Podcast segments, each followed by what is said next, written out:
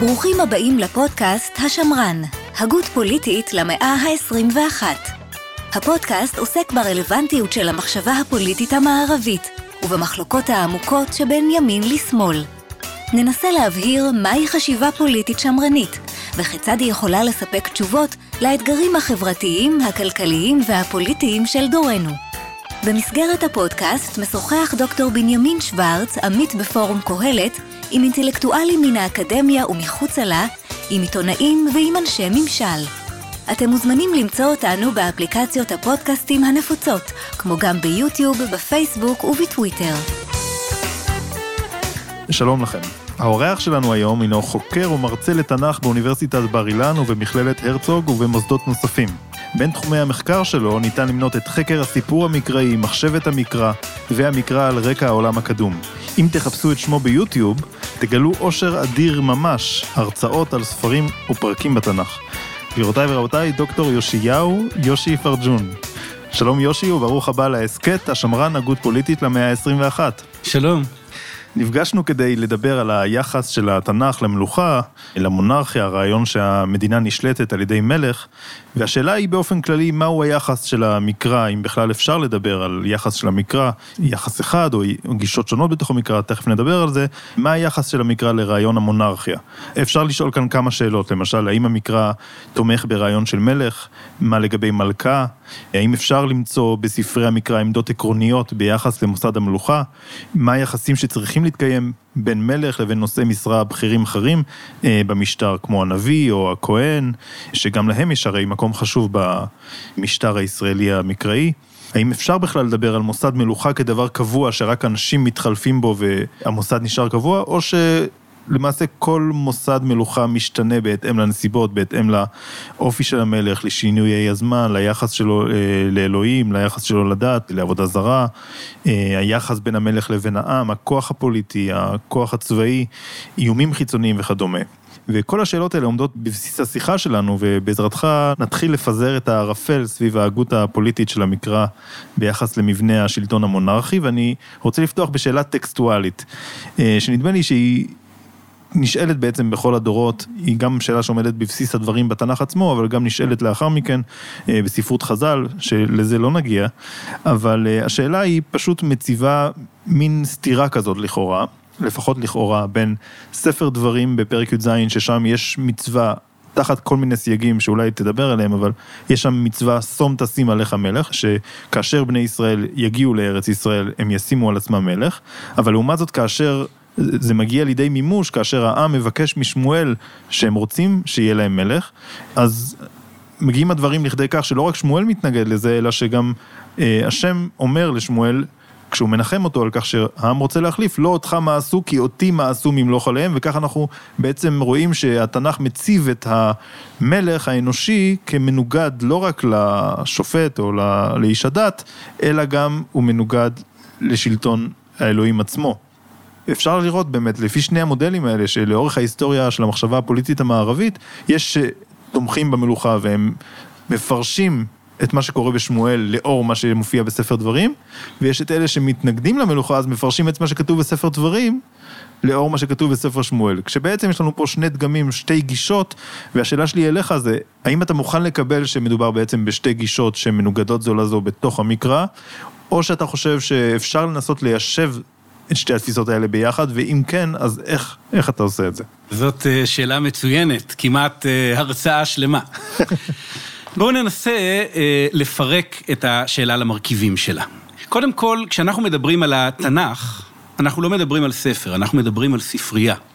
וספרייה שמייצגת גם מאות רבות מאוד של שנים, גם אזורים שונים וגם אה, כותבים שונים, אה, נביאים, אה, משוררים, אה, יש כתיבה שהיא מלכותית יותר, ובאמת, כשאנחנו מדברים על התפיסה של התנ"ך, זה משהו שאפשר לעשות אותו ממעוף הציפור, אבל ברגע שאנחנו נכנסים פנימה ומתבוננים ברזולוציה קצת יותר מדויקת, אז אנחנו מגלים הרבה מאוד אה, תפיסות ובנות תפיסות, וגם לפעמים מורכבויות, כלומר, משהו שנראה כמו תפיסה אחת שתומכת בשני דברים במקביל. Mm.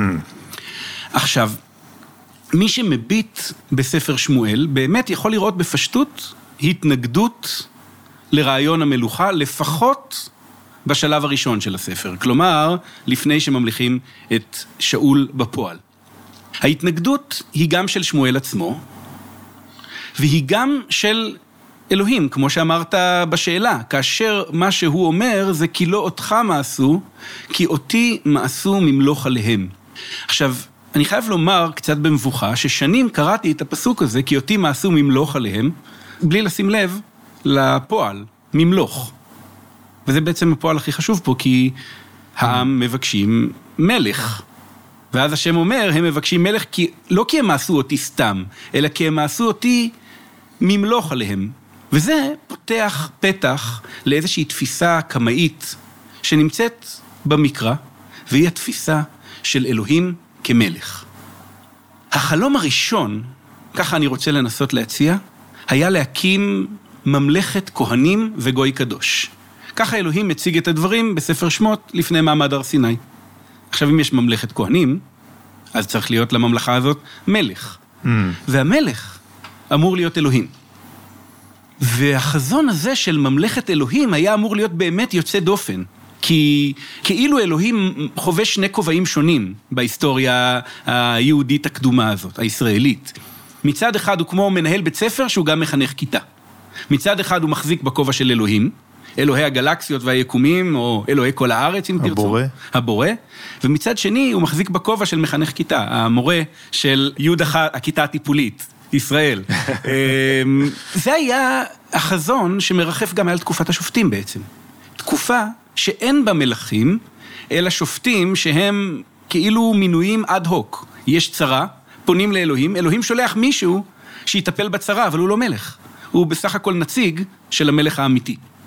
אז זה מה שספר שמואל אומר, ואני חושב שזה גם מה שספר אה, שופטים אומר בעיקר. חוק המלך... בספר דברים. בספר דברים, הוא חוק שמתמודד בדיוק עם הבעיה שספר שמואל מציף בשלב מסוים. רגע, אולי תסביר כן. בכמה מילים מהו החוק הזה בספר דברים, שאני רק הזכרתי אותו. כן. אז בספר דברים יש אה, אוסף של חוקים, שמשה אה, נותן לבני ישראל לפני הכניסה לארץ. סיפור המסגרת של ספר דברים זה שמשה עומד למות, ולפני מותו הוא מאוד מאוד מפחד שהעם ימשיכו לפשל, כמו שהם פישלו לאורך כל הדרך, רק שהוא לא יהיה שם כדי להציל אותם. Mm. ואז הוא מביט אחורנית על קריירה של 40 אה, שנות הנהגה, וחוקים ומשפטים וסיפורים, ומנסה לבנות עתיד טוב יותר בארץ. בין השאר, הוא מנסה לכונן את מוסדות השלטון שאמורים לקום בארץ. אחד ממוסדות השלטון הוא המלך, ולמעשה החוק היחיד בתורה שעוסק במלך הוא אותו חוק שמופיע בספר דברים. Mm-hmm. עכשיו, החוק הזה, כשקוראים אותו באוזן קשובה, אפשר לראות שהוא חוק דיעבדי. מה זה אומר? זה אומר חוק שלא חייבים למלא אותו, אבל אם בחרת, mm. זה האופן הנכון לעשות את זה. אתה לא חייב לנהוג, אבל אם עלית על אוטו, יש סדרה שלמה של חוקים שמחייבים אותך. אתה לא חייב להמליך מלך, אבל אם בחרת להמליך מלך, יש אופן נכון לעשות את זה. וזאת הסיבה שחוק המלך מתחיל בפתיחה קצת מפתיעה. הוא אומר, כי תבוא אל הארץ אשר אדוני אלוהיך נותן לך, וירישת וישבת בה, ואמרת, אשימה עלי מלך ככל הגויים אשר סביבותיי, רק אז, שום תשים עליך מלך. אשר יבחר אדוני אלוהיך בו. זאת אומרת שזה צריך לבוא מתוך דרישה של ואתה אמרת, זאת אומרת שהעם צריך לבקש לו. נכון, זה צריך לבוא מתוך בקשה של העם. אם העם ירצה מלך, אז יש דרך לעשות את זה. אבל אם העם לא יבקש, אז אין שום סיבה להמליך מלך. עכשיו, אני רוצה להגיד פה משהו שהוא קצת אבסורדי, אבל במובן מסוים הוא נכון, וזה שמלוכה היא במקרא סוג של קרוב משפחה של דמוקרטיה. כי שלטון אלוהים הוא סוג של מכבש לחצים. חז"ל מתארים את זה בתיאור מדרשי בתור כפה עליהם הר כגיגית. השם מרים את ההר מעל כל בני ישראל, את הר סיני, ואומר או שאתם מקבלים אותי, או שאני מוריד לכם את ההר על הראש. אבל המלוכה מתחילה בבקשה של העם לשינוי שיטת המשטר, ואמרת שים עלי מלך ככל הגויים אשר סביבותיי, וגם המצווה מבטאת את זה של העם יש כוח, כי המצווה מתחילה ואומרת, שום תשים עליך מלך אשר יבחר אדוני אלוהיך בו. עכשיו, בדרך כלל אנשים מתמקדים בעניין שהשם צריך לבחור את המלך, אבל אני רוצה להתמקד בציווי, שום תשים. למה צריך לצוות את העם לשים עליהם את המלך? נכון. השם מינה אותו וזהו, נגמר הסיפור. השם מינה את משה ואז משה מנהיג, השם מינה את יהושע ואז יהושע מנהיג. אבל במלך זה לא ככה. השם משך את שאול למלך, אבל עד ששאול לא מוכיח שהוא ראוי למלוכה, המלוכה שלו לא תופסת, זה לא עובד. ואז מדיחים את שאול. שמואל בא לשאול ואומר לו, אתה מודח, כי מאסת את דבר אדוני וימאסך ממלך. ואז מה קורה? כלום. שאול ממשיך להיות מלך עד שהוא מת. משכו את דוד למלך. הוא לא הופך להיות מלך. הוא נווד בורח עד ששאול מת ואז הוא מצליח לתפוס את השלטון על יהודה, אבל לא על ישראל. עד שהעם לא יבוא לדוד ויגיד לו, אנחנו רוצים שאתה תהיה המלך שלנו, הוא לא מלך. כי המלוכה יונקת את הכוח שלה משני כיוונים. מצד אחד מהמינוי של אלוהים, כלפי מעלה, אבל מצד שני מהעם, כלפי מטה. ובעצם, אם משה, כל הכוח שלו בא מאלוהים, ואם קורח יגיד, אני מורד בך, אז תרד אש משמיים ותשרוף אותו, האדמה תיפתח ותבלע את דתן ואבירם, אצל מלך זה לא ככה. יש משולש של כוח כזה, שבקודקוד אחד שלו נמצא אלוהים, בקודקוד שני שלו נמצא המלך, ובקודקוד שלישי שלו נמצא העם, וכל הזמן יש ניסיון של מאבק לקבוע מה הקודקוד העליון. האם השם הוא הקודקוד העליון, או המלך הוא הקודקוד העליון, או העם הוא הקודקוד העליון. מנקודת מבט יותר uh, צינית, היית אומר שהקודקוד של אלוהים מתווך על ידי נביא? בעצם מי הוא אותו אחד שמושך את האדם הזה להפוך להיות מלך? אז פה התשובה היא באמת די חד משמעית, נביא. Mm. הנביא נתפס כנציג של אלוהים בארץ. אבל אמ, בואו נדבר רגע על התפקיד של הנביא כלפי השלטון, ואני חושב שזה אולי טיפה יחדד את uh, התשובה שאני רוצה לומר. משה הוא נביא, והוא גם המנהיג של העם. הוא לא הנביא היחיד, גם אהרון נביא, וגם הוא שותף לו קצת להנהגה, ואפילו מרים אה, היא נביאה, וגם היא מוזכרת קצת בתוך איזושהי עמדת הנהגה. כשאלדד ומידד מתנבאים במחנה, זה מתפרש כאיום על ההנהגה של משה, כי בימים של מלכות אלוהים, יש איזושהי תפיסה שאומרת שהנביא הוא גם המנהיג הפוליטי בעצם, כי הפוליטיקה היא כולה דתית. אפשר להתייחס למשה כמלך? יש משהו באבן עזרא, אני חושב. יש כאלה שמציגים את משה כמלך, יש אפילו שמבינים שיש פסוק כזה בתורה, אה, ויהי בישורון מלך, בהתאסף ראשי עם, יחד mm. שבטי ישראל, אה, יש מחלוקת האם המלך בפסוק הזה הוא השם, שזה הפירוש הפשוט, או משה. אבל הוא לא מלך, לא בגלל הסמכויות שלו, אלא בגלל שהוא מחובר בקו הכוח רק כלפי מעלה. עכשיו, דבורה היא מנהיגה, והיא נביאה. שמואל הוא נביא והוא מנהיג. עכשיו, זה לא תמיד ככה, אבל בדרך כלל, כשאלוהים רוצה במלכות אלוהים להוביל את העם, זה מאוד הגיוני שהמנהיג הפוליטי יהיה נביא. אבל אז, כשהעם מבקשים מלך, נוצר דגם חדש. פתאום שמואל מפסיק להיות המנהיג, והופך להיות מה שאנחנו רגילים לדמיין כשאנחנו מדמיינים נביאים. הוא הופך להיות משקל הנגד המוסרי, הדתי, לכוח הפוליטי. כי פתאום נוצר מלך שנשען בכוח שלו גם על העם, והתפקיד של הנביא זה לבוא ולהרביץ לו בראש עם מקל נבואי גדול ולהגיד לו, אתה חייב להקשיב לאלוהים. Mm-hmm. לפני כן זה לא קרה כל כך, כי, קרה מעט, אבל, כי, כי הנביא עצמו הרבה פעמים היה המנהיג. וברגע שנוצר פיצול במוקדי הכוח, כן. אז היה צריך שהנביא יתחיל להוכיח את המלך. ונכון, ומהרגע הזה נביאים עסוקים בלנסות להישיר את המלכים אל דבר השם. עכשיו אני אתן אנקדוקטה אחת קטנה רק שתבטא את זה. האיבה הנבואית אולי הכי גדולה שאפשר למצוא בספר מלכים, היא בין אחאב, מלך ישראל, לבין אה, אליהו הנביא, כאשר באחד הסיפורים הכי מעניינים, במלכים א', פרק י"ח, אליהו מתעמת עם אחאב עימות מאוד חריף, כי אחאב עובד עבודה זרה, ואחרי שהוא מצליח לגרור את אחאב לעמדה שלו, יש סצנה קטנה שאליהו, האויב הגדול של אחאב, רץ לפני המרכבה של אחאב מהר כרמל ועד יזרעאל. עכשיו, מה המשמעות של לשנס את המותניים ולרוץ לפני המרכבה של המלך? אליהו בעצם אומר, אני לא שחקן פוליטי במובן הרגיל. אין לי עניין להחליף את אחאב בתור מלך. אם אחאב נגד השם ונגד הנביאים של השם, אז אני האויב הכי גרוע שלו. אם אחאב יהיה מוכן לשתף איתי פעולה נגד נביאי הבעל, mm. אז אני רץ לפני המרכבה שלו, כי הוא המלך. ואני חושב שבמובן הזה כן, הנביאים מבטאים את דבר השם, אבל הם פתאום נפרדים ממוקדי הכוח הישירים. אז רק כדי לסגור את הנקודה הזאת, מה אתה עושה עם הסתירה הזאת שיש פה בין אה, ספר דברים לספר שמואל? או, אז אני בעצם חושב שזאת לא סתירה, אלא אה, חוק שבא להשלים עם מציאות שעלולה לקרות. שהרעיון הזה של מלוכת אלוהים יהפוך להיות מחניק מדי. ויום אחד יבוא העם ויגיד, אנחנו רוצים... אולי מחניק ואולי הפוך, זאת אומרת, אם אלוהים פחות נגלה או פחות מנהל את העניינים, כי הוא לא נמצא כל כך אה, בפעולה פה בשטח, אז אנחנו צריכים אולי מישהו על הקרקע. נכון, כמובן, זאת אה, גם בהחלט אפשרות אה, לראות את הדברים, אבל לפחות בניסוח של החוק, אם נקשיב, הם אומרים, ואמרת, אשים עלי מלך ככל הגויים אשר סביבותיי.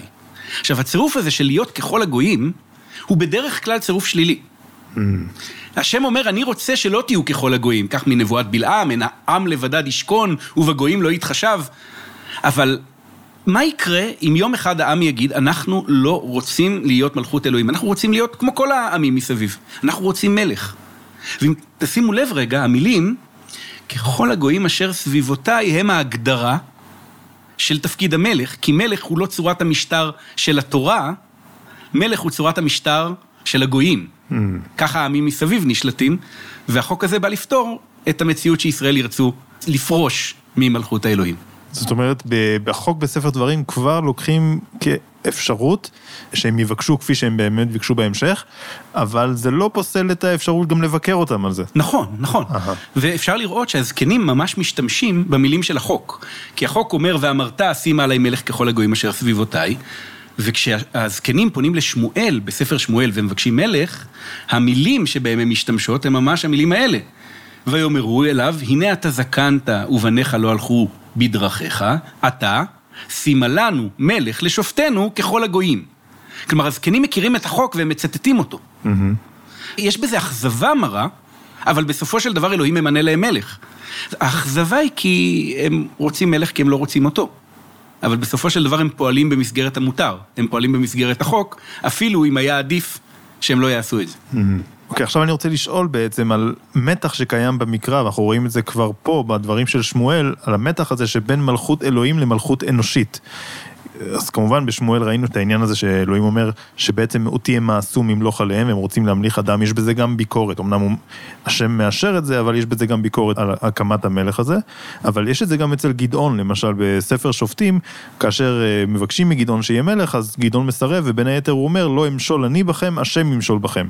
אז פה בעצם יש הנגדה בין האפשרות של מלכות השם לבין מלכות אדם כלשהו כמלך, ו...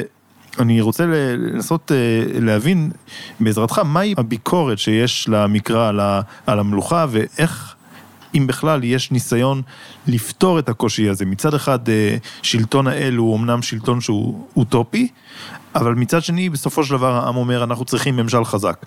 אבל יש מתח וסתירה ומין ביקורת של, אתם רוצים ממשל חזק, אבל אתם מוותרים על השלטון האוטופי. יש פה שני ערוצים, ערוץ אחד של שלטון האלוהים האוטופי, ואחד שהוא ריאלי, שהוא שלטון אנושי. אבל הוא תמיד יהיה תחת ביקורת של האופציה האוטופית. יש דרכים שונות להגיע לכוח או לגאולה, ודרך אחת היא לעבוד באופן טבעי. למשל, אם אתה רוצה לנצח את האויבים, תצבור צבא גדול יותר, תשתמש בטקטיקה מעולה יותר, תרכז כוח, תעשה מערב, דברים שכאלה. יש שיטה אחרת, שהיא נשמעת לנו קצת מופרכת, כי אנחנו צאצאים מאוד מאוד רחוקים של החזון של מלכות אלוהים, וזה לקחת קלשון ביד, או אה, איזושהי חרב, ולצעוק אללהו אכבר ולרוץ. ואלוהים גדול, ואבנים גדולות יפלו מהשמיים, או משהו כזה, ואנחנו ננצח את האויבים. עכשיו, שני הדגמים האלה מרחפים במקרא. Hmm. אמ, תחשוב למשל על פסוק כמו אלב הרכב ואלב הסוסים, ואנחנו בשם אדוני אלוהינו נזכיר. הם הקראו ונפלו, ואנחנו קמנו ונתעודד. הם אמנם באים עם מרכבות, אבל אנחנו באים עם שם השם, ולכן אנחנו מנצחים. עכשיו, כשאנחנו מדברים ברמה התיאורטית, לא ברמה פרקטית... יש אז- גם השם יילחם לכם ואתם בדיוק, תחרישון. השם יילחם לכם ואתם תחרישון, זו דוגמה שנמצאת ביציאת מצרים. אז כשמדברים תיאורטית, זה נראה כמו שני דגמים לגמרי נפרדים. או שהשם נלחם, או שבני אדם נלחמים. כשבודקים את הסיפורים בפועל, אפשר למצוא הרבה פעמים ששתי הגישות האלה נכרכות ביחד. כלומר, יש גם עזרה אלוהית, אבל גם דרישה לאיזשהו מאמץ צבאי אנושי. למשל, כשהשם מלמד את יהושע איך לכבוש את האי, עיר שהם נכשלים בכיבוש שלה, אז הוא גם מלמד אותו מה היה הכישלון הדתי, היה חרם שהחאן מעל בו, אבל הוא גם אומר לו, שים עורב מאחורי העיר, תעמידו פנים שאתם בורחים, הם ירדפו אחריכם, ואז העורב יצא מאחורה ויכבוש את העיר. כלומר, תיאורטית, כשאנחנו עוסקים כאילו במחשבה פילוסופית, אז אנחנו מדמיינים שני דגמים. בעולם המקראי, לפעמים מציגים אותם בנפרד, אבל לפעמים אתה מגלה שבאותו סיפור עצמו שני הדגמים כל כך מפותלים ביחד, שהם כמעט לא ניתנים להפרדה. אבל הם עדיין מתנגדים, זה נכון. כלומר, מה מה שאמרת בשאלה, יש מתח. ואת המתח הזה אפשר למצוא בחוק המלך. איך? חוק המלך למעשה לא מדבר על מה מלך אמור להיות. זה דבר נורא מפתיע. הוא מדבר על מה מלך אמור לא להיות. זה כמעט הנושא היחיד שלו. הוא מתחיל בקביעה של שום תשים עליך מלך אשר יבחר אדוני אלוהיך בו, אבל אחרי זה הוא בעיקר אומר מה לא. לא תוכל לתת עליך איש נוכרי אשר לא אחיך הוא, זה הדבר הראשון.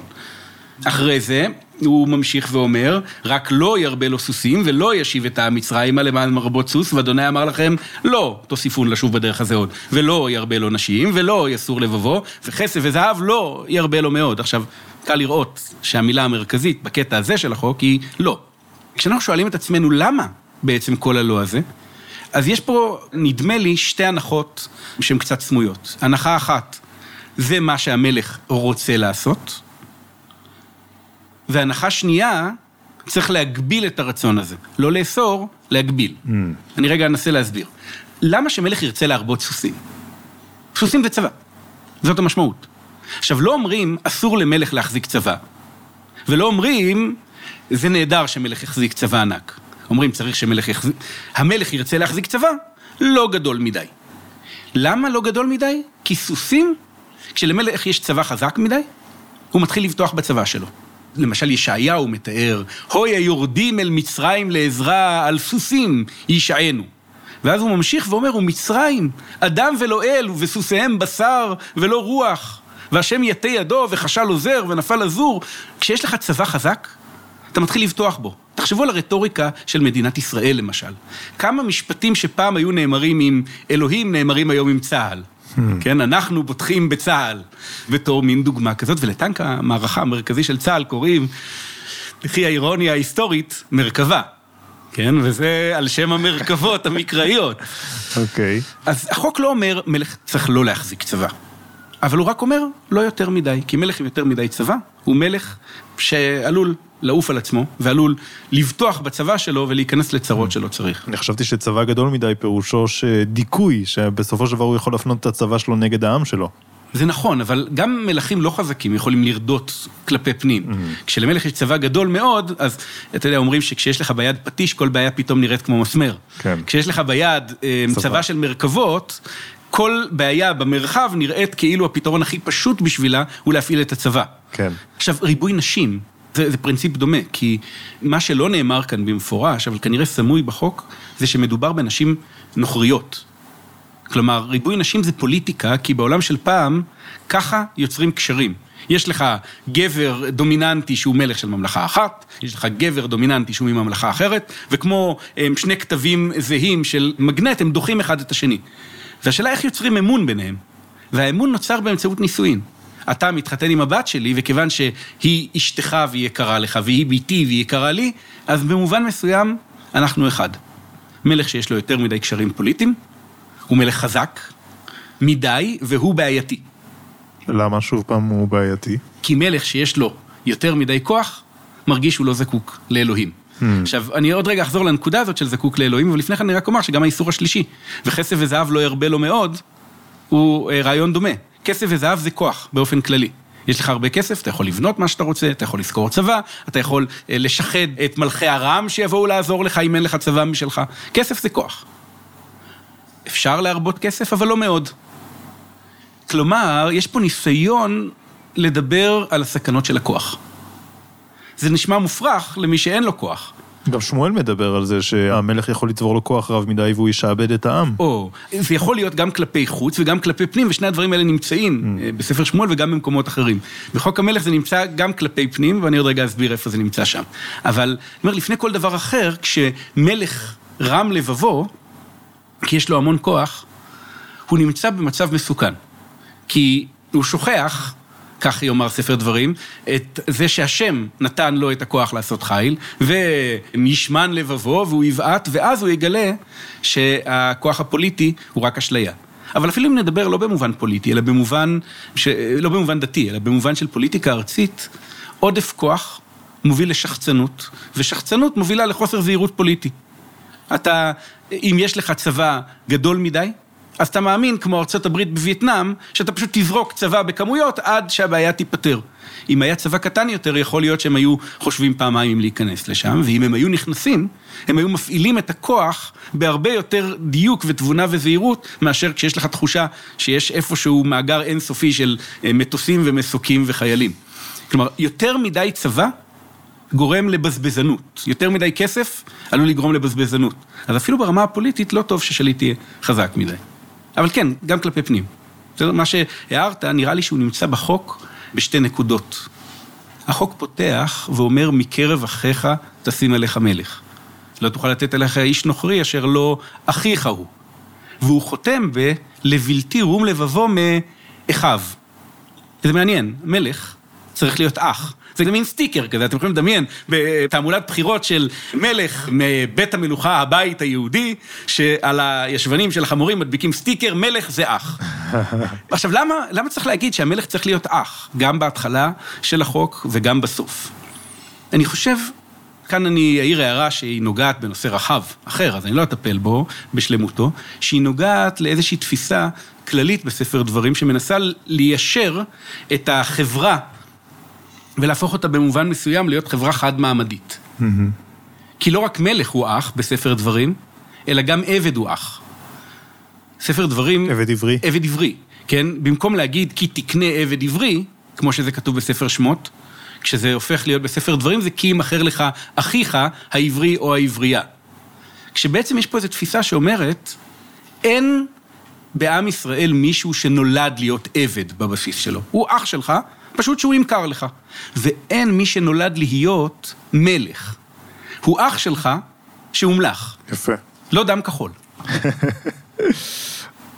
עד עכשיו בעצם דיברנו בנקודה הזאת על ביקורת אלוהית על מלכות אנושית. ודיברנו גם על ההכרח שיש בזה, אבל בכל זאת הביקורת נשארת שם אה, תמיד נוכחת אה, מתחת לפני השטח. ואני רוצה להציע ולבדוק, לשאול אותך, האם אפשר למצוא גם ביקורת רפובליקנית על המלך? זאת אומרת, ביקורת מנקודת מבט של העם, כי הרי בשמואל כבר, כמו שאמרנו, שמואל אומר להם לא רק כדבר תיאורטי, אלא אומר להם, זה מה שיקרה בסוף, כאשר אתם עכשיו ממליכים על עצמכם מלך כי זה נראה לכם טוב, אתם רוצים להיות ככל הגויים, אתם עשיתם מין מחקר אה, של פוליטיקה השוואתית וגיליתם שהעמים מסביב חושבים שצריך מלך, ואתם מוצאים בזה יתרונות, תדעו לכם שבסופו של דבר זה יוביל לשעבוד, זה יוביל לדיכוי, זה יוביל לפגיעה בכל החירות והעושר הפרטי שלכם. אה, אז בעצם אני רואה בזה סוג של הזמנה לקראת דבר שאולי יבוא בהמשך, מעבר לדבר הזה עצמו, שהוא ביקורת שאפשר לראות אותה כביקורת רפובליקנית, כמין הסתכלות על כך שהעם רוצה להישאר חופשי מפני מלך. ואני רוצה לשאול, האם אפשר למצוא במקומות נוספים בתנ"ך ביקורת רפובליקנית כזאת על המלוכה, שהיא לא בשם האל כמו שראינו עד עכשיו, אלא ביקורת שהיא רפובליקנית או דמוקרטית, כמובן שאין פה ניסיון להגיד שזה, אנחנו נמצא פה תפיסות דמוקרטיות, זה ממש לא מה שאני מחפש, אבל כן התפיסה הזאת שהעם מחפש לו חופש משלטון דכאני של מלך. אז אני חושב שאולי המקום הכי משעשע שבו אה, אפשר להיתקל בביקורת כלפי האופן שבו מלוכה רומסת את אה, האנשים הטובים והמועילים של החברה, זה במשל יותם. רקע קצר, היה בספר שופטים שופט בשם גדעון או ירובעל, כבר הזכרנו אותו פעם אחת כשהעם פונים אליו ואומרים לו, משול בנו גם אתה, גם בנך, גם בן בניך, כי הושעתנו מכף מדיין, וגדעון מסרב ואומר, לא אמשול אני בכם ולא אמשול בני בכם, אדוני ימשול בכם. זאת אומרת שמה שקורה אצל שמואל, כאשר העם מבקש ממנו מלך, זה כבר פעם שנייה שהעם מבקש לו מלך? נכון, ובשתי הפעמים האלה התגובה דומה. השם הוא המלך, זאת התגובה הדתית. אבל קורה דבר נורא מוזר, כי מצד אחד גדעון מסרב להיות מלך, אבל מצד שני הוא מרבה לו נשים, מוליד 70 בנים, וזה כבר מתחיל להישמע כמו לא ירבה לו נשים, ולאחד הבנים שלו קוראים אבי מלך. עכשיו זה שם מאוד מעניין, כי יש לו שני פירושים שונים לגמרי. אוקיי. ברכיב אב, בשמות אה, בעולם הקדום, מכונה רכיב תיאופורי. וזה בדרך כלל אומר האל. כן, כשאתה אומר אביה, למשל, או משהו כזה, אתה מתכוון, האב הוא י"ק ו"ק. אז אבי מלך פירושו, השם הוא המלך. כמו שגדעון אמר. אבל לאבי מלך יש גם משמעות מילולית, והיא, כן, ש... אבא שלי הוא המלך. וזה לא כל כך מפתיע שאבי מלך מחליט לנסות להיות מלך. אז הוא הורג את כל האחים שלו, 70 במספר, וממנה את עצמו למלך, ונשאר רק הבן הקטן, כמו בסיפורי אגדת טובים, יותם. רגע, זאת אומרת שאתה בעצם אומר לנו שגדעון ברטוריקה אמר אני לא רוצה להיות מלך, אבל דה פקטו הוא הפך להיות סוג של מלך. סוג של, כן. זה הרבה מאוד פעמים קורה שהפיתוי תופס אותך לא בגובה פני השטח, אלא באיזה שהם רבדים נמוכים יותר. Mm. אתה חושב שאתה עושה משהו אחד, ובמציאות כן. אתה עושה משהו קצת אחר. ואז אותו יותם נמלט מהטבח של כל האחים שלו, והוא מושל משל על מלוכה.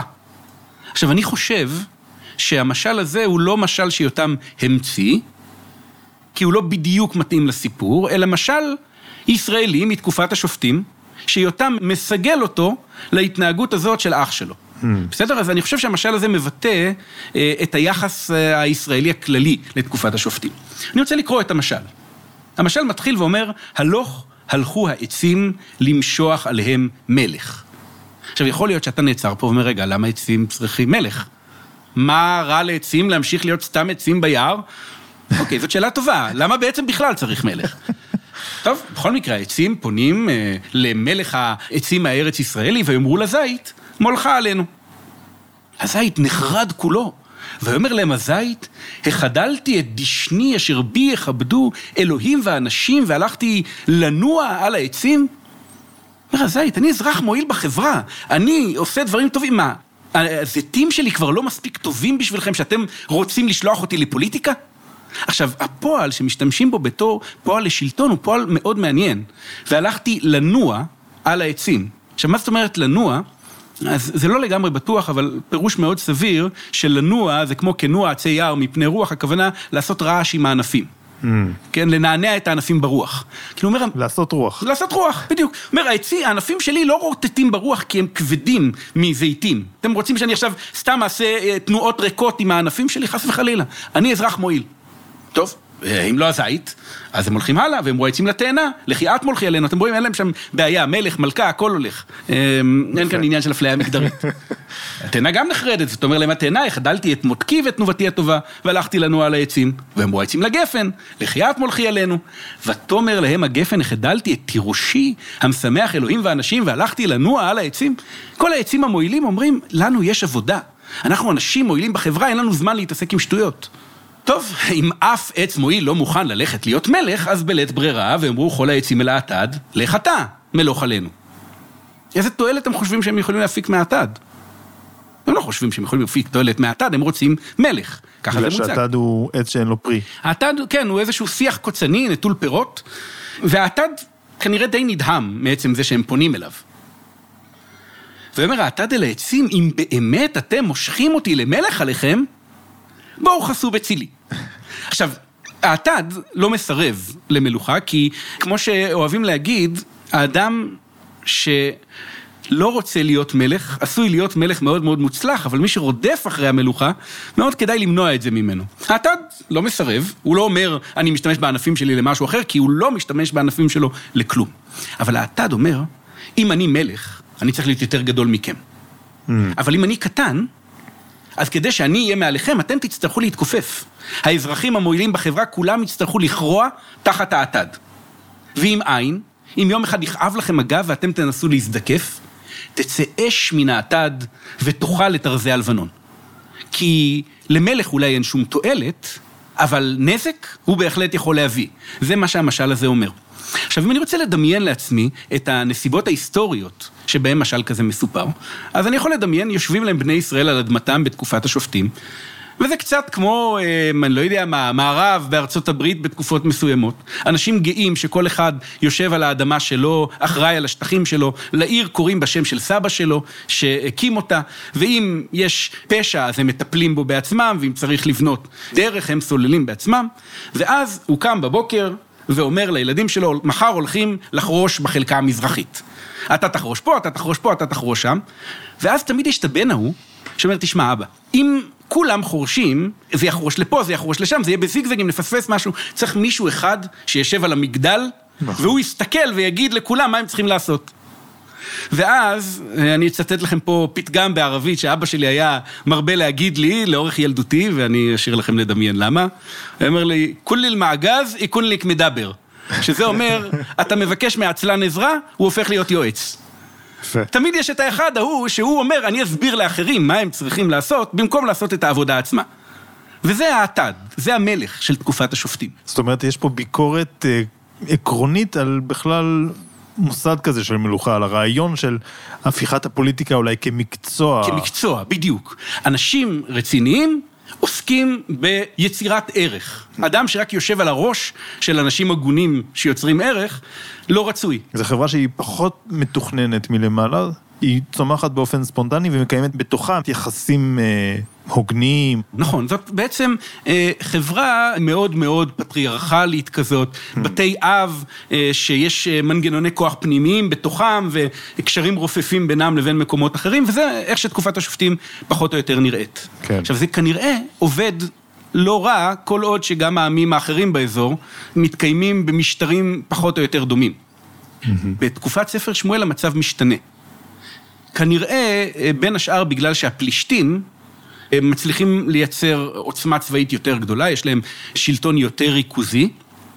לא בדיוק מלוכה כנראה, למרות שהתנ"ך קורא לזה גם מלכים, יש להם סרנים, יש כאלה שמבינים שזה בא מהמילה היוונית טירנוס. Mm. איזה שהם שליטים, אולי שליטים צבאיים, יש להם צבא מרכבות, והם מסוגלים להחזיק צבא קבע. וישראל לא מצליחים להשתחרר, ובתקופת שמואל הם מבקשים מלך. אבל שוב, שמואל בנאום שלו מסביר את החסרונות במלך, ופה אני רוצה לדבר על הנאום של שמואל בשני פנים. אוקיי. Okay. גם החסרונות של המלך, אבל גם תמונת הראי שעולה מתוך החסרונות של המלך. שמואל מספר לעם, בשמואל א', פרק ח', זה יהיה משפט המלך אשר ימלוך עליכם, את בניכם ייקח, ושם לו במרכבתו ובפרשיו, ורצו לפני מרכבתו, ולשום לו שרי אלפים ושרי חמישים, ולחרוש חרישו, ולקצור קצירו, ולעשות כלי מלחמתו וכלי רכבו. עכשיו, אנחנו נדבר קודם כל על הביקורת. הוא אומר, הוא ייקח מכם בשבילו, אתם רואים את התבנית. לכם ייקח לו. בניכם ייקח לו, מרכבתו, פרשיו. בנותיכם. עכשיו, בבנותיכם הוא קצת זהיר יותר, זה מעניין. כי בבנותיכם הוא אומר, ובנותיכם ייקח, לרקחות או לטבחות או לעופות. הוא לא אומר את בנותיכם ייקח, לא. כי אם הוא היה אומר את זה, זה היה אה, עלול לחזק דברים שעדיף לא לחזק. גם ככה יש לאנשים נטייה מוגזמת ללכת לכיוונים מפוקפקים בזה. ואז הוא ממשיך ומספר, את שדותיכם ואת כרמיכם וזיתכם הטובים ייקח ונתן לעבדיו. וזה נורא מעניין, כי קודם הוא לקח לעצמו, mm. עכשיו הוא לוקח לעבדים שלו. ואז הוא ממשיך ואומר, וזרעכם וכרמכם יאסור ונתן לסריסיו ולעבדיו. זאת אומרת שזה אימפריה, שזה מתחיל, המוסד הזה מתחיל לעלות יותר ויותר, כי יש יותר ויותר אנשים שצריך לשרת. בדיוק, כלומר, פה נולדת הבירוקרטיה. בהתחלה אתה חושב שאתה ממנה רק מלך. אבל אז אתה פתאום מבין שאם המלך רוצה לגבות מיסים, הוא לא הולך אישית כפר כפר לגבות מיסים, הוא ממנה מישהו. ושהמישהו הזה צריך למנות מישהוים. ופתאום אתה מגלה שכמו שהמשל שביבי אה, אוהב לדבר עליו, של האיש הרזה שסוחב את האיש השמן, פתאום אתה מגלה שאתה לא מפרנס רק מלך, אתה מפרנס את כל המנגנון הפקידותי, את כל המגזר הציבורי. ואז הוא ממשיך ואומר, ואת עבדיכם ואת שפחותיכם וברכו רכם הטובים ייקח ועשה למלאכתו, צונכם יאסור. ואז אתם שואלים אחרי שהוא לקח את השדות ואת הכרמים ואת הבנים ואת הבנות ואת העבדים ואת השפחות, מה עוד נשאר לו לקחת? והנה הרכיב האחרון, ואתם תהיו לו לעבדים. אחרי שהוא ייקח מכם את כל מה שיש לקחת, הוא ייקח גם אתכם. אתם תהפכו להיות לעבדיו. אז ברור שהביקורת הזאת דומה לביקורת של יותם. מלך לוקח עם של בני חורין והופך אותם לעבדים. אבל יש פה גם צד שני. כי שמואל מגלה לנו גם מה מלך עושה בפן החיובי של הדברים. למשל, יהיה לו מרכבה ופרשים ושרי אלפים ושרי חמישים. כלומר, יש סיבה לרצות מלך. מלך יכול להקים צבא. כן. יכול אה, להקים שלטון ריכוזי שדואג, אם צריך לרכז כוח צבאי במקום אחד, לרכז אותו שם, ואם לסלול דרכים, אז לסלול אותם. כלומר, יש גם... ואם צריך להגן מפני תוקף אה, חיצוני. אז זה לא רק הכפר הקטן הזה. זה המלך וכל מה שיש לו, שיכולים להגיע ביחד. אז זאת ביקורת, אבל בתוכה יש גם כן. אה, פנים חיוביות. אז אם התחלנו באמת עם הנקודות החיוביות, אז אי אפשר שלא להזכיר את הפסוק המפורסם מספר שופטים, ובימים ההם אין מלך בישראל, איש הישר בעיניו יעשה. אפשר לראות שבעצם ספר שופטים כבר נותן לנו הקדמה לצורך במלך, הוא נותן לנו תובנה שהיעדר של מלך הוא מצב מאוד מאוד בעייתי מבחינה פוליטית, ובלי המלך יש לנו סוג של אנרכיה במדינה, וזה אפשר... מי שרואה בספר דברים אה, מין קו פרו-מונרכיה, יכול לראות בדברים האלה שבספר שופטים מין התחברות לקו הפרו-מונרכיה הזה בספר דברים. אפשר לראות גם בהמשך ספר שמואל, שבשמואל ב' כתוב אה, על המלך, אני אהיה לו לאב, זאת אומרת שהאלוהים אומר, אני אהיה לו לאב והוא יהיה לי לבן. בישעיהו יש אפילו ביטוי על המלך כאל גיבור, ילד יולד לנו, בן ניתן לנו וכולי, אל גיבור, אביעד שר שלום. בעצם האם אנחנו רואים פה תהליך של השלמה עם קיומו של מלך, לא רק כדבר שהוא אפשרי, אלא ממש יצירה של יחסים אינטימיים, דתיים, בין המלך ו- ואלוהים? אז כן, אני ממש ממש כך חושב גם כן. אני לא חושב, אומנם שדברים הוא ספר פרו-מונרכי, אבל אני כן חושב שההבחנה הכללית שאמרת פה היא מאוד נכונה. כל מי שקורא את התנ"ך, אולי נמצא במבוכה מסוימת מול הדברים שאמרתי עד עכשיו כלפי מלך, כי בסוף המלך פרוס על פני הנח לפחות מכריכה לכריכה, ויש הרבה מאוד תיאורים חיוביים כלפי מלך. הרבה מאוד, ממש. כלומר, זה כמעט הייתי אומר שקשה למצוא ביקורת עקרונית על מוסד המלוכה. חוץ ב... משתי הדוגמאות שנתת.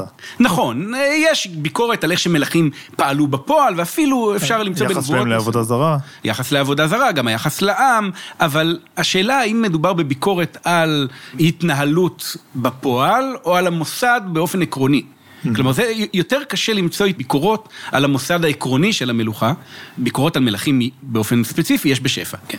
כולל על דוד. כולל על דוד, נכון. על כל מלך ומלך יש ביקורת, כי אין בני אדם מושלמים בתנ"ך. אבל... גם מחוץ לתנ"ך. כך שמעתי, כך שמעתי. אוקיי. אני חושב שאם אנחנו עוקבים אחרי הקרונולוגיה הפנימית של הסיפור המקראי, כלומר, אני לא מדבר כרגע על שאלות מחקריות של מתי ספרים נוצרו וכן הלאה, אלא על הסיפור הפנימי של התנ"ך, אז אפשר למצוא את שינוי היחס למלוכה ממש בנקודה ספציפית, אפשר לדקור אותה בסיכה. תגלה לנו מהי או, הנקודה הזאת. בשמואל א', פרק י"א, כששמואל מכתיר את שאול למלך, לפני כל העם, באותו מעמד עצמו, פתאום אנחנו שומעים על שתי קבוצות. יש את החיל אשר נגע אלוהים בליבם, תראו איזה תיאור יפה, החיל אשר נגע אלוהים בליבם שהם נלווים אל שאול, ויש את בני הבליעל שאומרים, מה יושיענו זה? ויבזו. עכשיו, החלוקה בין החיל שנגע אלוהים בליבם, לבין בני הבליעל הוא סביב היחס למלוכה. וזה נורא מפתיע, כי הרי שמואל עצמו מדבר על כמה מלוכה היא דבר שלילי. ואתם מאסתם היום את אלוהיכם, אשר הוא מושיע לכם מכל רעותיכם וצרותיכם, ותאמרו מלך ימלוך עלינו, ככה צועק שמואל. אז למה בני בליעל הם אלה שאומרים מה יושיענו זה? בואו רגע אפילו נעשה שנייה תרגיל מחשבתי. מי הם בני הבליעל? אז קודם כל התשובה האמיתית היא, אני לא יודע. אבל אחרי זה, אני רוצה להציע שתי אפשרויות. בני הבליעל, באפשרות אחת, הם אנשים שמסתכלים על שאול, ואומרים, מה יושיענו זה? אנחנו חשבנו שתביא לנו לוחם מנוסה עם סכין בין השיניים, לא רצינו את הנער הנחמד הזה, שאול. זאת אפשרות. אבל אני רוצה להציע אפשרות אחרת. שבני הבליעל הם הזקנים והצדיקים והחסידים של העם. Mm. וכשהם אומרים מה יושיענו זה, הם לא מתכוונים להגיד, חיפשנו גבר יותר מרשים. הם מתכוונים להגיד, אנחנו עם העמדה של השם. אנחנו עם העמדה של שאול. הרי כמו שאמרתי, שמואל פותח את ההכתרה של שאול במילים, ואתם מאסתם את אלוהיכם, אשר הוא מושיע לכם מכל רעותיכם וצרותיכם, ותאמרו, מלך ימלוך עלינו. הם אומרים, מה יושיענו זה, והם מתכוונים להגיד, אנחנו בוטחים בהשם, אנחנו לא רוצים מלך. והם הופכים להיות בני בליעל. עכשיו, זאת קריאה ממש מרתקת, כי היא מספרת לנו אולי משהו מאוד חשוב על דוגמטיות. כשאדם מתאהב בעמדה שלו וממשיך להחזיק בה למרות השינוי בנסיבות. אומרים הזקנים האלה, שוב, זה רק דמיון, אנחנו לא יודעים, אנחנו מאמינים באלוהים, אנחנו מתנגדים במלוכה בשר ודם, ויום קודם הם היו נחשבים צדיקים בזכות העמדה הזאת. כן. ועכשיו הם פתאום הופכים להיות בני בליעל. בגלל שהם מתנגדים למלוכה. בגלל שהם מתנגדים למלוכה, אבל בגלל שהם מתנגדים למי שהשם בחר בו, כלומר הם בעצם יוצאים נגד הבחירה של השם. אז אני חושב שזאת הנקודה שבה היחס למלוכה משתנה, ומכאן אנחנו נתקלים ביחס עקרוני חיובי מאוד למלוכה, כי המלוכה היא כבר עבודה מוגמרת, ועכשיו השאלה היא רק איך הופכים אותה אה, מאבן נגף, ממכשול למלכות השם, להיות משהו שיעצים את מלכות השם. ופה זה מגיע לכינויים שאתה הזכרת קודם למלך, למשל בתור בנו של השם. אם המלך הוא בנו של השם, אז זה אומר שבמובן מסוים אנחנו מייצרים פה צינור כוח דתי חדש. השם הופך להיות מלך מלכים, אבל בעולם אידיאלי, המלך שולט על העם וכפוף להשם. ואז הכל עובד כמו שצריך. ואפשר לראות את זה ממש במבחנים של שאול, המלך הראשון של ספר שמואל. הרי זה מבחנים נורא משונים. תמתין שבעה ימים עד שיבוא אליך הנביא ויגיד לך מה לעשות. ואז הוא לא ממתין שבעה ימים ואומרים לו, נסכלת, לא שמרת את מצוות אדוני אלוהיך אשר ציווך. כי אתה הקים השם את כיסא ממלכתך על ישראל עד עולם. ואז אתה אומר, בסדר, לא חיכה שבעה ימים, לא רצח, לא נאף, לא... מה, מה, מה הסיפור פה? הסיפור הבא שלו זה כשהוא יוצא למלחמה עם עמלק, ואומרים לו, אותי שלח השם למושכך למלך על עמו על ישראל ואתה שמע לכל דברי אדוני. אל תיקח מהחרם, אל תיקח מהשלל, והוא כן לוקח, בסדר. הסיפור האמיתי הוא הסיפור של האם המלך רואה את עצמו כהמשך זרימת הכוח של אלוהים. הסיפור של להמתין שבעה ימים הוא לא בגלל המשמעות של שבעה ימים, הוא בגלל המשמעות של שהמלך מבין שהוא כפוף לאלוהים. וזה היה המבחן שלו. אם אתה כפוף לאלוהים, אתה יכול למלא את תפקידך כבנו של אלוהים. Mm-hmm. ואולי זה לא מקרה שהפועל מאס נמצא בספר שמואל בהקשרים טעונים מאוד. ראינו את זה קודם, אתה הזכרת את זה, ב"כי אותך מעשו, כי אותי מעשו, ממלוך עליהם". כן. אבל כששאול מודח, שמואל אומר לו, לא אשוב ממך כי מאסת את דבר אדוני וימאסך, אדוני מהיות מלך.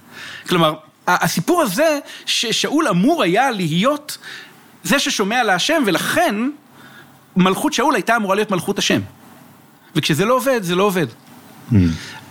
אצל דוד, הוא חוטא בחטאים יותר חמורים, אבל הם חטאים אישיים. רצח, ניאוף, אבל כשבאים ומוכיחים אותו, אז הוא אומר, חטאתי להשם. כלומר, ההבנה ש... ההוכחה של נתן הנביא. נכון. ואולי אני אגיד עוד משהו אחד על הדימוי כבן בספר שמואל.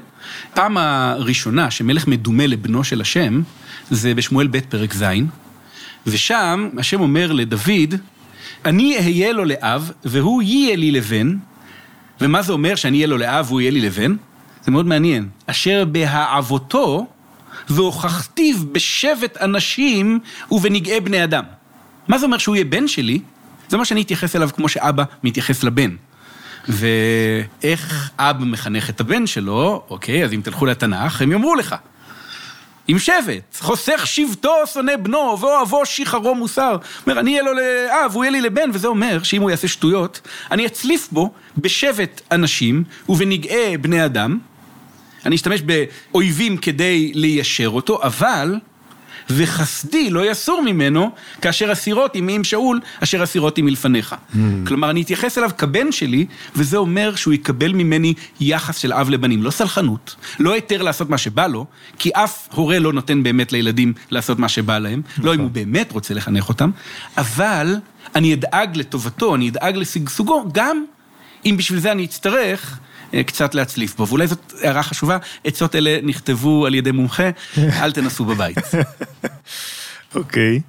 אמ, התחלת באמת לתת כמה דוגמאות של אה, מלכים, אה, בהתחלה התחלנו יותר באופן תיאורטי על מה החוק של המלך, ועכשיו כבר התחלת להזכיר יותר את שאול ודוד וגדעון, אבל אני רוצה לשאול, מה התפקידים, כשמסתכלים על כל המלכים האלה ומלכים נוספים בתנ"ך, מה התפקידים של המלכים, מה תחומי הסמכות שלהם, האם המלך הוא שופט, האם הוא נביא, עד כמה הוא מתקשר עם אלוהים, האם יש מלכים נגיד שחלקם מתקשרים, חלקם לא מתקשרים, אה, האם הם קובעים באיזשהו אופן את סדרי העניינים המקודשים, זאת אומרת נכון שבבית המקדש יש את הכהן, אבל אולי יש עניינים מקודשים נוספים, יש את הסיפור המפורסם עם דוד שהוא מביא את ארון הברית, זאת אומרת, יש את ההיבט של הקדושה, בוודאי הוא נוכח פה, המלך יכול להיות גם מחוקק, האם הוא דמות חינוכית, איך אתה רואה את זה?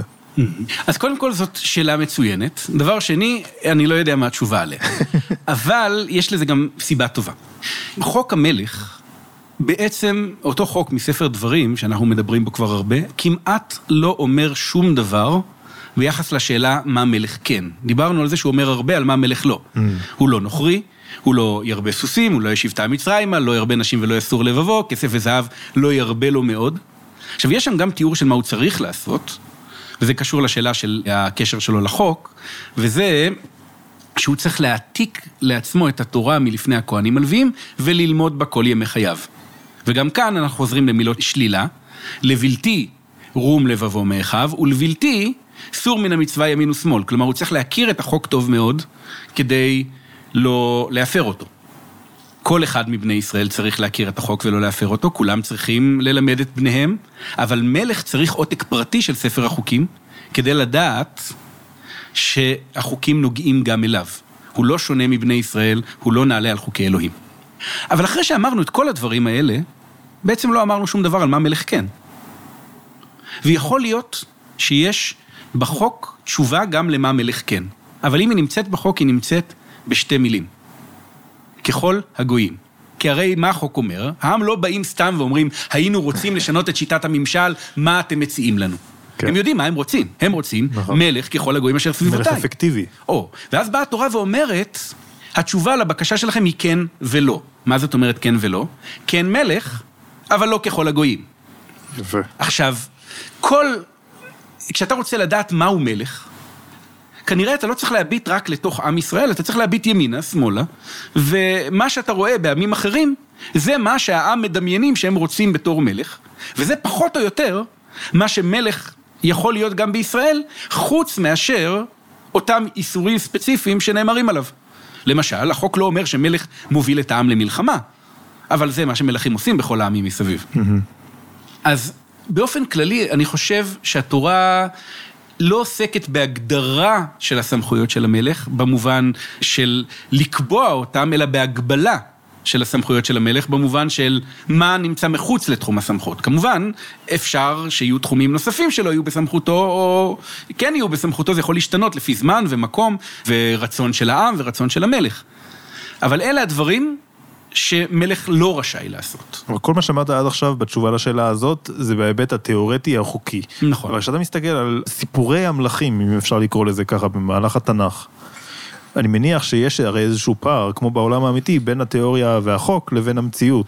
אז כשאתה מסתכל על ההיבט שהוא יותר ההיבט נניח ההיסטורי, החלקים ההיסטוריים שבהם התנ"ך מספר לנו על מלכים שונים, מה עם הסמכויות שמלכים לקחו לעצמם? שוב, באמת שאלה מאוד מאוד טובה. אני רק אתחיל ואומר, במקרה של החוק, מאוד קשה לדעת איזה סמכויות מותר להם לקחת. כמו שאמרנו, לא מופיעה בחוק כמעט שום סמכות מפורשת. בדרך כלל רגילים להגיד, לפחות אנשים שנצמדים מדי לתיאוריה של החוק, שהמלך מורחק ממערכת המשפט. כי אם הוא צריך להעתיק את החוק מלפני הכהנים הלוויים, זאת אומרת שהם נמצאים בראש מערכת המשפט ולא הוא. עכשיו, אני לא בטוח אם זה מה שנאמר בחוק, אבל בין כך ובין אחרת, מלכים בעם ישראל שופטים. ולא רק שהם שופטים, זה נתפס כמשהו חיובי, כשהם עושים משפט וצדקה, כמו שצריך. במובן מסוים אפשר אפילו להגיד שהם משמשים כערכאה עליונה, ושהשאלה איך הם שופטים היא שאלה דרמטית בהערכה שלנו את התפקוד שלהם. עכשיו אני אתן דוגמה. כיוון שאנחנו באמת מתעניינים יותר אה, בדוגמאות כרגע מאשר בתיאוריה. דוד. דוד המלך מאופיין כאחד מהתיאורים החיוביים שלו בתור מי שעושה משפט וצדקה לכל עמו. ואז יש את הסיפור האיום והעגום של לקיחת בת שבע ואחרי זה הריגת אוריה. נתן הנביא מגיע אליו עם מקרה משפטי. הוא מספר לו על עשיר שגזל מהרש את הכבשה היחידה שהייתה לו. ודוד מתפקד כשופט, כשהוא אומר לו, בן מוות, האיש שעושה את זאת, ואת הכבשה ישלם ארבעתיים. עכשיו, את הכבשה ישלם ארבעתיים זה בעצם החוק של התורה, שקובע שאם גנבת כבשה וטבחת אותה, אתה צריך לשלם פי ארבע ממה שלקחת. זה חוק שמופיע בפרשת משפטים. אבל בן מוות, האיש שעושה את זאת, זה כבר משהו שלא מופיע בכלל. Mm. ונדמה כאילו, אם דוד מתכוון להגיד בן מוות, כלומר צריך להוציא אותו להורג, אפשר להתווכח אם זה מה שהוא מתכוון, כן. כאילו הוא אומר, תשלומים פי ארבע זה עונש מרתיע לגנב, אבל לא בטוח שהוא עונש מרתיע לגנב עשיר. ואז עולה השאלה, האם אין לדוד, כמלך, גם את הסמכות להעניש מעבר למה שהחוקים של התורה אומרים במפורש. עכשיו, בין כך ובין אחרת, דוד לא יודע את זה, אבל הוא באמת עסק במשפט אמיתי. לא המשפט של איש שגנב כבשה, אלא במשפט שלו. והדבר הזה ממומש, הוא באמת משלם ארבעתיים. באיזה מובן הוא משלם ארבעתיים? זאת שאלה טובה, אני לא בטוח.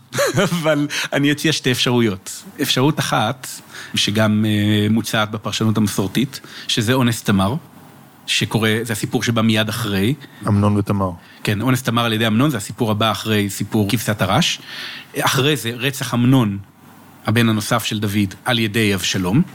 אחרי זה ההריגה של אבשלום, ואחרי זה ההריגה של אדוניה. Mm. ואז יש כאן איזו אמירה שאומרת, אתה משלם פי ארבע בבנים. אבל אני רוצה להציע הצעה אחרת. ולמה הזכרת מקרה בת שבע כאונס? אז זהו, אני לא יודע איך לקרוא לזה. אה, יש דעה שאומרת שזה אונס. במונחים של המשפט המודרני, אגב, זה ייחשב כאונס. למה? כי אה, כשמלך אומר לך לבוא, אה. כן, אה, בוא נגיד, לא כאונס, לפחות כניצול יחסי מרות, במובן הכי חריף של הביטוי, כן? כן. זה מה שנקרא in offer you can't refuse. אוקיי. אה, אז אני לא, לא, לא בטוח באמת שהמונח אונס היה אה, נכון, ומיד גם גמגמתי אחורנית ממנו. בסדר גמור. אבל בחז"ל, יש מי שמציע שהיה אונס. למרות שחז"ל אומרים את הדבר המפורסם.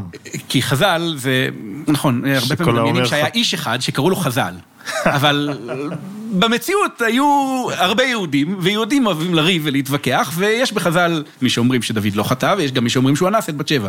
המקור שאמרתי מופיע במסכת כתובות דף ט עמוד א', תחילת ט עמוד ב', שם יש הצעה שאומרת שדוד אנס את בת שבע. אתם מוזמנים לבדוק. אבל, אם נלך לענייננו, אז יכול להיות שהתשלום של הארבעתיים מתגלה אה, לנוכח תיאור בדברי הימים, שאומר ששלמה לא היה הבן הראשון של בת שבע. בת שבע בהתחלה ילדה ילד שמת, הוא אפילו לא מקבל שם, ואז בדברי הימים מופיעים הילדים הבאים שאנחנו לא מכירים אותם כשחקנים פעילים. שמוע, שובב, נתן, שלמה. עכשיו, לפי החשבון שלנו זה אומר ששלמה הוא הבן החמישי של בת שבע. והשמות שמוע, שובב, הם שני שמות שקשורים לחזרה בתשובה. כן, אה, שמוע... דבר אה, השם, דבר שובב השם. שהוא שב. כן, ש... לשובב יעקב אליו כזה. נתן, זה ממש קורע לב, כי חייבים לזכור שנתן הוא הנביא שגוזר את הגזירה הזאת, וכאילו, כשקוראים לילד שנולד נתן, יש כאן אולי איזו אמירה, הלוואי שהוא יישאר בחיים. עכשיו, כיוון שאנחנו לא מכירים את הילדים האלה באמת, אז יכול להיות ששלמה הוא הבן החמישי והוא הראשון שנשאר בחיים. כלומר, ארבעתיים הם ארבעה ילדים, ארבעה ילדים מתים. אבל בין כך ובין אחרת, מי שקורא את המשך סיפורי דוד, יכול לראות את הנקודה של המשפט שעליה אנחנו מדברים. דוד שולח את תמר להיאנס על ידי אמנון, הוא לא יודע שזה מה שהוא עושה, אבל זה מה שהוא עושה. הוא שולח אותה ואמנון אונס אותה. ומה דוד עושה? כלום. ואז אבשלום רוצח את אמנון. ושוב, דוד לא עושה כלום, כשאחד השיאים אולי, זה כשאבשלום אומר, אני לא מוכן להישאר נזוף, אם אני אשם, שיוציא אותי להורג, ואם אני חף מפשע, אז אני רוצה לחזור לראות את פני המלך. ודוד, שלא מספיק חזק כדי להרוג אותו, אבל הוא באמת הרי אשם ברצח, מזכה אותו בעצם. ואז, סביב מה מוסב המרד של אבשלום? סביב יכולת המשפט של דוד. איך הוא גונב את לב העם כשהוא רוצה למרוד? הוא פונה לאנשי ישראל ואומר להם בעצם, תשמעו, המשפט הפך להיות אה, קטסטרופלי. בואו, אני אה, אפילו אקרא כמה אה, משפטים כדי שתראו איך גונבים את לב העם. אז הנה, והשכים אבשלום, ועמד על יד דרך השער, ויהי כל האיש אשר יהיה לו הריב לבוא אל המלך למשפט, כשבאים אנשים להישפט אל המלך, ויקרא אבשלום אליו, ויאמר, אין בזה יראת. ואומר, מאחד שבטי ישראל עבדיך. כלומר, אי אפשר לנקוב כאן תשובה ספציפית, כי זו שאלה קבועה, כל פעם הוא שואל אנשים. ואומר אליו אבשלום, ראה, דבריך טובים. כלומר, אתה צודק בטענה שלך ונכוחים, ושומע אין לך מאת המלך. ואומר אבשלום, מי ישימני שופט בארץ, ועלי יבוא כל איש אשר יהיה לו ריב ומשפט, ויצדקדיף. כל אדם שיש לו ריב ומשפט יבוא אליי, והוא יצא זכאי בדין. אתם מבינים כמובן שזה תעמולת בחירות. כן. אמ, והיה בקרוב איש להשתחוות לו, כן, בן המלך אומר לו דבר כזה, הוא רוצה להשתחוות לו, ושלח את ידו והחזיק לו ונשק לו, כי כבר אז פוליטיקאים היו מנשקים תוך כדי תעמולת הבחירות שלהם, מנשקים תינוקות, מנשקים זה. עכשיו, למה הוא טוען שדוד, האיש שעשה משפט וצדקה לכל עמו, לא יודע לשפוט? אז אני חושב שהוא טוען את זה כי דוד באמת מאבד את יכולת המשפט. שופט צריך להאמין שהוא במובן מסוים שונה מהאנשים שעומדים מולו. הוא צריך להאמין שהוא ישר וטוב. וביום ההוא שדוד חשב שהוא יושב על כס המשפט בסיפור דוד ובת שבע, ופתאום גילה שהוא לא יושב על כס המשפט, הוא יושב על ספסל הנאשמים, הוא, אני חושב, הוכה בהלם. עכשיו, הוא צריך... לש... וזה נקודת מפנה מפנה במלכות שלו, הוא לא מצליח לשפוט יותר כמו שצריך. הוא צריך לשפוט את אמנון על האונס של תמר. אבל איך מי ששכב עם אשת איש, עם בת שבע, יכול עכשיו לשבת כשופט במשפט של מי שאנס את אחותו? מה הוא יגיד כשהנאשם יגיד לו, אדוני המלך אה, עשה דברים דומים בעצמו? עכשיו, אבשלום רצח את אמנון, זה נכון. אבל כשדוד ירצה לשפוט אותו ויגיד לו, איך לא התביישת לרצוח, מה הוא יענה כשיגיד לו אמנון, אדוני המלך לא חיסל את אוריה? כלומר, משהו מאוד מהותי בשלטון של דוד קשור ליכולת לעשות משפט וצדקה, ובמובן מסוים סיפור דוד ובת שבע הוא משבר כפול. הוא לא רק משבר בגלל שמה שהוא עשה היה פגום, אלא גם בגלל שהוא איבד את יכולת המשפט שלו. וזאת נקודת התורפה שאותה אבשלום מנצל כדי לגנוב את לב העם, והוא מצליח, ואם הוא מצליח לתקוף את דוד דווקא בנקודה הזאת, זה אומר mm. שבאמת הייתה שם חולשה. אז מתברר שמלך אמור לשפוט. כשעושים אה, סקירה על המלכים במקרא, פה כבר התחלנו ממש לדון בטעות הגדולה אולי של דוד, אבל כשמסתכלים מנקודת מבט אה, רחבה יותר, מה אנחנו רואים? מי המלכים שמוזכרים לחיוב, לשלילה? מה התמונה הכללית שנוצרת לגבי מלכים? מה המלכים יותר? האם הם יותר אה, נחוצים ומועילים, או שהם יותר מושחתים ומזיקים? אז שוב, זאת שאלה קשה, זאת האמת, מתברר שאין פה שאלות קלות בפודקאסט הזה. אני רוצה להשתמש בדמות של שלמה לרגע, כדי לנסות לענות אה, את התשובה הרחבה. שלמה הוא במובן מסוים האדם הראשון שהוא מלך במלוא מובן המילה. אני אנסה להסביר למה אני מתכוון, כי לכאורה דיברנו על שאול, דיברנו על דוד. נכון. אבל כשאנחנו מדברים על בית מלוכה, בית מלוכה נוצר ברגע שמצליחים להוריש את הכוח. עכשיו, אבימלך, שהזכרנו קודם מספר שופטים, לא הצליח להוריש את הכוח לבן שלו. שאול ניסה להוריש, אבל בפועל איש בושת לא מצליח למלוך על כל ישראל. דוד תופס את המלוכה, והראשון שיושב על כיסא אביו למלוך על כל ישראל, הוא שלמה. אבל, וזה אבל גדול, שלמה הוא לא רק המלך הראשון שיושב על כיסא אביו ומולך על כל ישראל, הוא גם המלך האחרון שעושה את זה. אין אף מלך שישב על כיסא אביו ומלך על כל ישראל. Mm. כי אחרי שלמה, הממלכה נקרעת. עכשיו, אם דיברנו על זה שלמלך יש יכולת לאחד את המלוכה, זה מחזיק ממש מעט זמן. כי שלמה מקבל מאבא שלו, מדוד, אימפריה משגשגת, אבל לרחבעם, הבן שלו, הוא כבר מוריש ממלכה קרועה. ממלכת ישראל, הממלכה המאוחדת, נקרעת לשתי ממלכות. ממלכה אחת ממשיכה להיקרא ישראל, וממלכה שנייה נקראת יהודה, והממלכות האלה לא מתאחדות יותר. עד היום, למעשה, אין איחוד כזה, ואנחנו יהודים, כי אנחנו לא ישראלים מבחינת המוצא שלנו, אנחנו צאצאי ממלכת יהודה. ממלכת ישראל, כאשר גלתה וחרבה, נפרדה מאיתנו ולא חזרה עד היום. אז במובן מסוים, שלמה הוא הדמות המעניינת לדיון הזה, כי הוא המלך שהוא גם הדוגמה האידיאלית למה מלך יכול להיות, אבל גם דוגמה איומה למה מלך עלול לגרום. עכשיו, מי שקורא... לאיפה הוא עלול להידרדר. בדיוק. עכשיו, מי שקורא את פרקי שלמה בהתחלה, אומר, וואו, זה מדהים. כאילו, כמה עושר ועוצמה צבאית וקשרים פוליטיים, והרי רכב ופרשים. ובניית בית המקדש, ואין כסף, לא נחשב בימי שלמה למאומה, ו... ואז הוא מגיע לפרק האחרון של שלמה, פרק י"א, שזה כמעט רבע מספר מלכים, כן? ופתאום הוא שומע ששלמה מתחתן עם אלף נשים. עכשיו, כדי להבין מה זה אומר, אז בואו נדמיין. בואו נדמיין ששלמה נותן לכל אחת מנשותיו שבעה ימי משתה. הוא לא מתחתן תוך כדי השבעת ימי משתה של החתונה הקודמת. זה אומר ששלמה מתחתן כמעט 20 שנה רצוף, כולל שבתות וימי כיפור ולא יודע מה. זה מספר פסיכי, פשוט.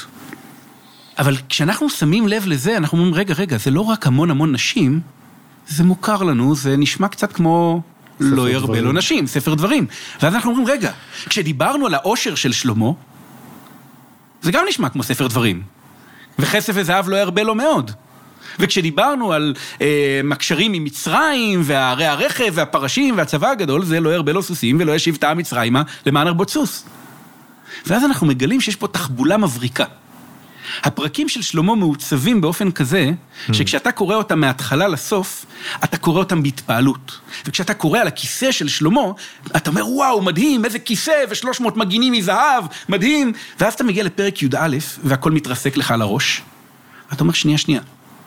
בוא נעשה ועדת חקירה, מאיפה הכל התחיל? ואז אתה שם לב שהתבנית המוסתרת שפרקי שלמה מעוצבים על פיה, היא פרשת המלך, או הנגטיב שלה. הוא מרבה סוסים, ומשיב את העם מצרימה, הוא מרבה כסף וזהב, ומרבה נשים. אבל לא ראית את זה קודם, כי לזהב ולצבא גדול יש דרך לתעתע בנו. בעצם יש רק מצווה אחת, ממש משמעותית, למלך בתורה. אבל כשאנחנו קוראים על זהב, העיניים שלנו מבריקות. אנחנו וואו, ואנחנו לרגע שוכחים, למרות שזה נראה בלתי נתפס, שזה בדיוק המקום שבו אם המלוכה מגזימה, היא מחריבה את עצמה. וזה אולי גם לקח מצמרר לדעת שהאנשים באותם ימים היו בטוחים שהם נמצאים על פסגת העולם, וזה גם היה נכון, אבל כשאתה נמצא על פסגת העולם, לפעמים אתה עושה צעד אחד אתה נופל עמוק. ואתה נופל מאוד מאוד עמוק, וזה מה שקרה שם. עכשיו, איך נראית הנפילה? אז הנפילה נראית בימים של רחבעם, ושם אתה יכול לראות איך נראה מלך, אם נחזור לפרשה, לחוק של המלך, של לבלתי רום לבבו מאחיו, ולבלתי סור מנהל מצווה ימין ושמאל. כי שם אנחנו מגלים מה קורה למלוכה כשהיא נהיית שחצנית עד כדי אה, חוסר שפיות. שלמה מת, רחבעם רוצה להמליך את עצמו למלך על ישראל. אבל העם מתכנסים בשכם כדי להמליך אותו, וזה סימן רע מאוד, כי שכם היא לא עיר של יהודה, השבט של בית דוד, היא עיר של אה, יוסף, השבט החזק המתחרה. והם אומרים לו, תשמע, אנחנו מוכנים להמליך אותך, אבל יש לנו תנאי. והתנאי הוא כזה, אביך הכביד את עולו עלינו, כלומר, סבלנו מאוד בימים של שלמה, ופתאום אתה אומר, וואו, כנראה שהאושר של המלוכה היה תוצאה של מיסוי מוגזם של העם. כן, אביך הקשה את עולנו, ואתה, אתה, הקל מעבודת אביך הקשה ומעולו הכבד אשר נתן עלינו, ונעבדך. עכשיו, הוא שומע את זה, והוא לא אומר להם רשעים, איך אתם מדברים על אבא שלי שדאג לכם כל כך. הוא אומר, אני צריך להתייעץ. והוא הולך להתייעץ עם שתי קבוצות של יועצים. הוא בהתחלה מתייעץ עם הזקנים, שהיו עם אבא שלו, והזקנים אומרים לו, אם היום תהיה עבד לעם הזה, ועבדתם, ועניתם, ודיברת עליהם דברים טובים, והיו לך עבדים כל הימים. עכשיו הוא שומע את העצה הזאת שאומרת, תענה להם את מה שהם רוצים לשמוע, וזה לא מוצא חן בעיניו. ואתם יודעים שהרבה פעמים אנשים מתייעצים עם מי שעונים את התשובה שהם רוצים לשמוע, והוא הולך להתייעץ עם החברים שלו. והוא שואל אותם, מה אתם נועצים ונשיב דבר את העם הזה, אשר דיברו עליי לאמור, הקל מן העול אשר נתן אביך עלינו? והילדים עונים לו תשובה מכוערת וגסה מאין כמוה. הם מתחילים ואומרים, אתה יודע מה תגיד לעם הזה? תגיד להם ככה, קוטני עבה ממותני אבי. עכשיו, הפירוש הפחות גס למילים האלה, זה הזרת שלי, עבה יותר מהמותניים של אבא שלי. אבל אפשר לחשוב גם על פירושים בוטים יותר לביטוי הזה. עכשיו, אתה אומר, איזה... ילד שעוד לא עלה על הכיסא של אבא שלו, האימפרטור, כבר מדבר על זה שהזרת שלו יותר מהמותניים של אבא שלו. ואז הם ממשיכים ואומרים, תגיד להם, אבי העמיס עליכם עול כבד, ואני אוסיף עלולכם. אבי ייסר אתכם בשוטים, ואני אייסר אתכם בעקרבים. והעצה הזאת נראית לו יותר, וככה הוא אומר לעם. הוא משמיט, למרבה המזל, את המשפט על הקוטני עבה ממותני אבי, אבל את השאר הוא אומר פחות או יותר כמו שהם הציעו. עכשיו, זה טירוף גמור. כי אין מחלוקת על העובדות, כלומר זה לא שבית המלוכה אומר אני דואג לכם והעם אומר לא, אתה מתעלל בנו. כולם מסכימים שבית המלוכה הפך להיות רדיעה של העם, הם נהיו כמו פרעה, הם השיבו את העם מצרימה, הם שמים עליהם שרי מיסים. אבל השאלה היא רק מה התפקיד של המלך, ורחבעם מדמיין שהתפקיד של המלך הוא למצוץ את מה שיש לעם. עכשיו, אני רוצה להעיר עוד הערה קטנה, בדרך כלל אומרים, הילדים שהם כבר בני 40 פלוס, אבל הילדים שם שעונים לו את העצה הזאת הם טיפשים ורשעים, והזקנים הם חכמים וצדיקים. Mm. אבל זה לא נכון. הזקנים חכמים ורשעים. כי הם לא אומרים לו, העם צודק, באמת הגזמנו, בואו נמתן את זה. מלוכה לא נועדה להפוך את החיים של מלך להיות כסף וזהב, היא נועדה לשרת את העם. הם אומרים לו, אם אתה היום תהיה עבד לעם הזה, אז הם יהיו לך לעבדים כל הימים, תענה להם מה שהם רוצים, תגיד להם דברים טובים.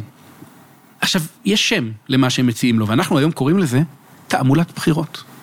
הבטחות בחירות. הם אומרים, מה אכפת לך להבטיח להם מה שהם רוצים לשמוע? אחרי זה תעשה מה שבא לך. Hmm. עכשיו, מה שאני רוצה להגיד זה שכולם רשעים שם.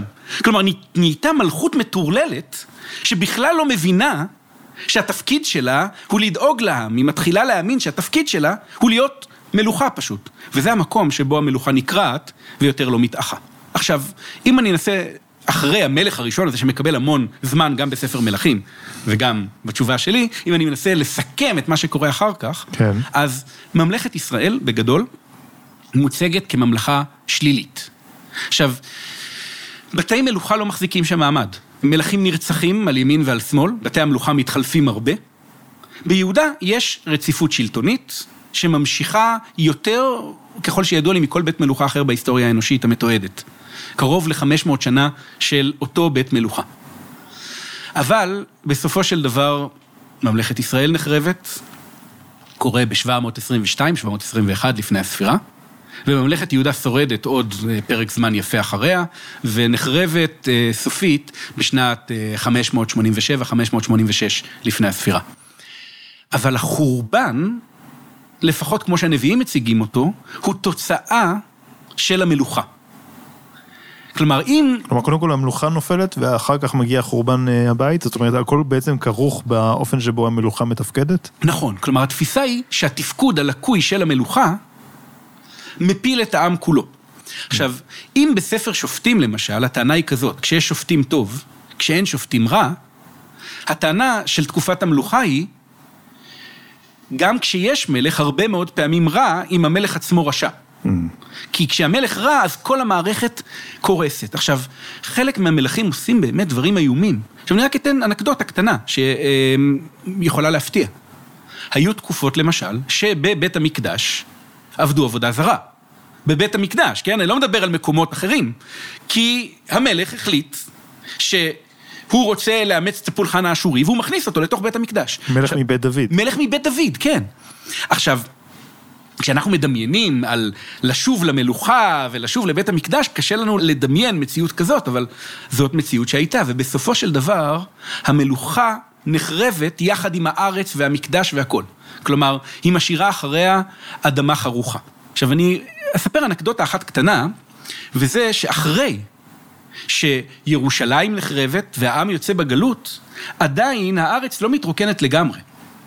עדיין יש שארית פלטה. שזה כנראה המון העם שנמצאים בארץ ואף אחד לא רוצה אה, להשמיד אותם או לגרש אותם, וממנים עליהם, הבבלים, נציג, שזה את אותו גדליה בן אחיקם, גדליה של צום גדליה. כן. וירמיהו מספר לנו איך הסיפור הזה של גדליה נגמר. מה שקורה זה שגדליה נרצח, וכולם זוכרים את זה, אבל הם לא זוכרים מי רצח אותו. מי שרצח אותו מתואר כישמעאל בן נתניה בן אלישמע מזרע המלוכה. ויחד איתו רבי המלך. כלומר, יש שרידים של בית דוד, חוטפים ג'ננה, תסלחו לי על הביטוי, מזה שמי שנשאר להיות ממונה על האדמה החרוכה שנשארה אחרי הכישלון של המלוכה, וצאצאים של בית דוד הם אלה שקמים ורוצחים את גדליה, ואז משמידים לגמרי את כל מה שנשאר, כי שארית... רואים את גדליה כבעצם שליט שהוא לא לגיטימי. בדיוק, כשליט שהוא לא לגיטימי, כמי שתופס את מלכות בית דוד. Hmm. אני מניח שמכאן יהיה ממש קל לך לענות על השאלה האחרונה, שהיא מהן התובנות שאתה חושב שאפשר אה, למשוך או לקחת מהעיסוק הזה בשאלה של אה, מה היחס של המקרא למונרכיה, למחשבה פוליטית אה, במאה ה-21, שהיא לפחות כאן עדיין לא מלוכנית, היא רפובליקנית באופן הבסיסי, ברעיון שמי שצריך למשול זה הציבור באמצעות הנציגים שלו. אז תראה, קודם כל, לימוד לקחים מההיסטוריה הוא בעייתי. אנחנו אוהבים להלל מאוד את אלה שלומדים היסטוריה ולכן הם יכולים ללמוד לקחים מן ההיסטוריה ואחרת הם נידונים לחזור עליה שוב ושוב. אבל האמת היא שמאוד קשה ללמוד לקחים מההיסטוריה. כי ההיסטוריה אף פעם לא חוזרת באמת. ואנחנו מדמיינים לפעמים שאפשר להוציא לקח אחד, אבל הלקח הוא רידוד של התקופה. למשל, ההבדל בין תקופת השופטים לתקופת המלוכה הוא לא רק האם יש שופט או מלך, הוא גם הבדל של הפוליטיקה הבינלאומית. כי תקופת השופטים הייתה תקופה שהיה בה מידה מסוימת של ואקום שלטוני באזור הזה וממלכות קטנות וחלשות. לא בטוח שהשופטים היו מסוגלים לתפקד כמו שהם תפקדו גם בימי המלוכה. עכשיו, ללמוד לקח זה כאילו לדמיין שאתה יכול לקחת את נסיבות העבר ופשוט להניח אותם בתוך ההווה. אז זה לא משהו שאפשר לעשות, ואנשים נוטים ללמוד מההיסטוריה בדרך כלל דברים נורא דומים לדעות שלהם על ההווה. אבל אם נשים שנייה את הלימוד בהיסטוריה בצד, כי אני חושב שאפשר להסתכל על זה כדבר אחר, זאת אומרת אפשר להסתכל על ספרות המקרא כעל ספרות שיש בה חוכמה. Mm-hmm. אני חושב שככה המקרא תופס את עצמו, ובמובן הזה אפשר לנסות לשאוב ממנו את הרעיונות שיש בו, גם אם הם לא נטועים דווקא בהקשר ההיסטורי שעליו הוא מדבר. נכון, כלומר אנחנו יכולים כל הזמן בערבון מוגבל ועם איזה הערת כוכבית שאומרת, תזכרו, זה ימים אחרים, זה זמנים אחרים, זה קונפליקטים אחרים, אנחנו יכולים ללמוד דברים מסוימים מהתנ"ך. כן. עכשיו, אולי לקח אחד, שאיתו אני מתחיל, שהוא לא רק לקח שקשור למלוכה, הוא לקח כללי חשוב למוסדות שלטוניים, וקצת מחריד, וזה שכל דבר חי מת בסוף. תקופת השופטים מסתיימת בשלב מסוים, תקופת המלוכה מסתיימת בשלב מסוים, וזה נכון לגבי כל תקופה. כלומר, הדמיון שלנו, שהמציאות שבה אנחנו חיים היא נצחית, היא כמובן דמיון שגוי. כל תקופה בסוף מסתיימת בכישלון, וכשמביטים אחורנית, לכל צורת שלטון יש יתרונות וחסרונות. אין ספק שלתקופת השופטים היו יתרונות בולטים. למשל, זאת הייתה ממלכת אלוהים, זה חזון דתי גדול. אבל העובדה שהעם רצו לסיים את זה אומרת לנו משהו גם על החולשות של זה. היתרון של חיים במתח דתי עמוק, הם החיסרון של חיים לא שלמים בעולם המציאותי, למשל. זה אומר שבעיות שיכולות להיפתר לפעמים באמצעים טכניים פשוטים, נתקעים בכל מיני אפיקים רוחניים. עכשיו, גם תקופת המלוכה, יש לה פנים חיוביים ופנים שליליים. כי תקופת המלוכה שורדת. בסופו של דבר, כן, מאות רבות של שנים, זה לא משהו שכדאי לזלזל בו, בטח לא מי שחי במדינה שנכון ליום הקלטת הפודקאסט הזה רק חצתה בקצת את שנות ה-70 שלה. אני מניח שנוכל לדבר בהרבה יותר ביטחון עצמי 400 שנה אחרי הקמת מדינת ישראל.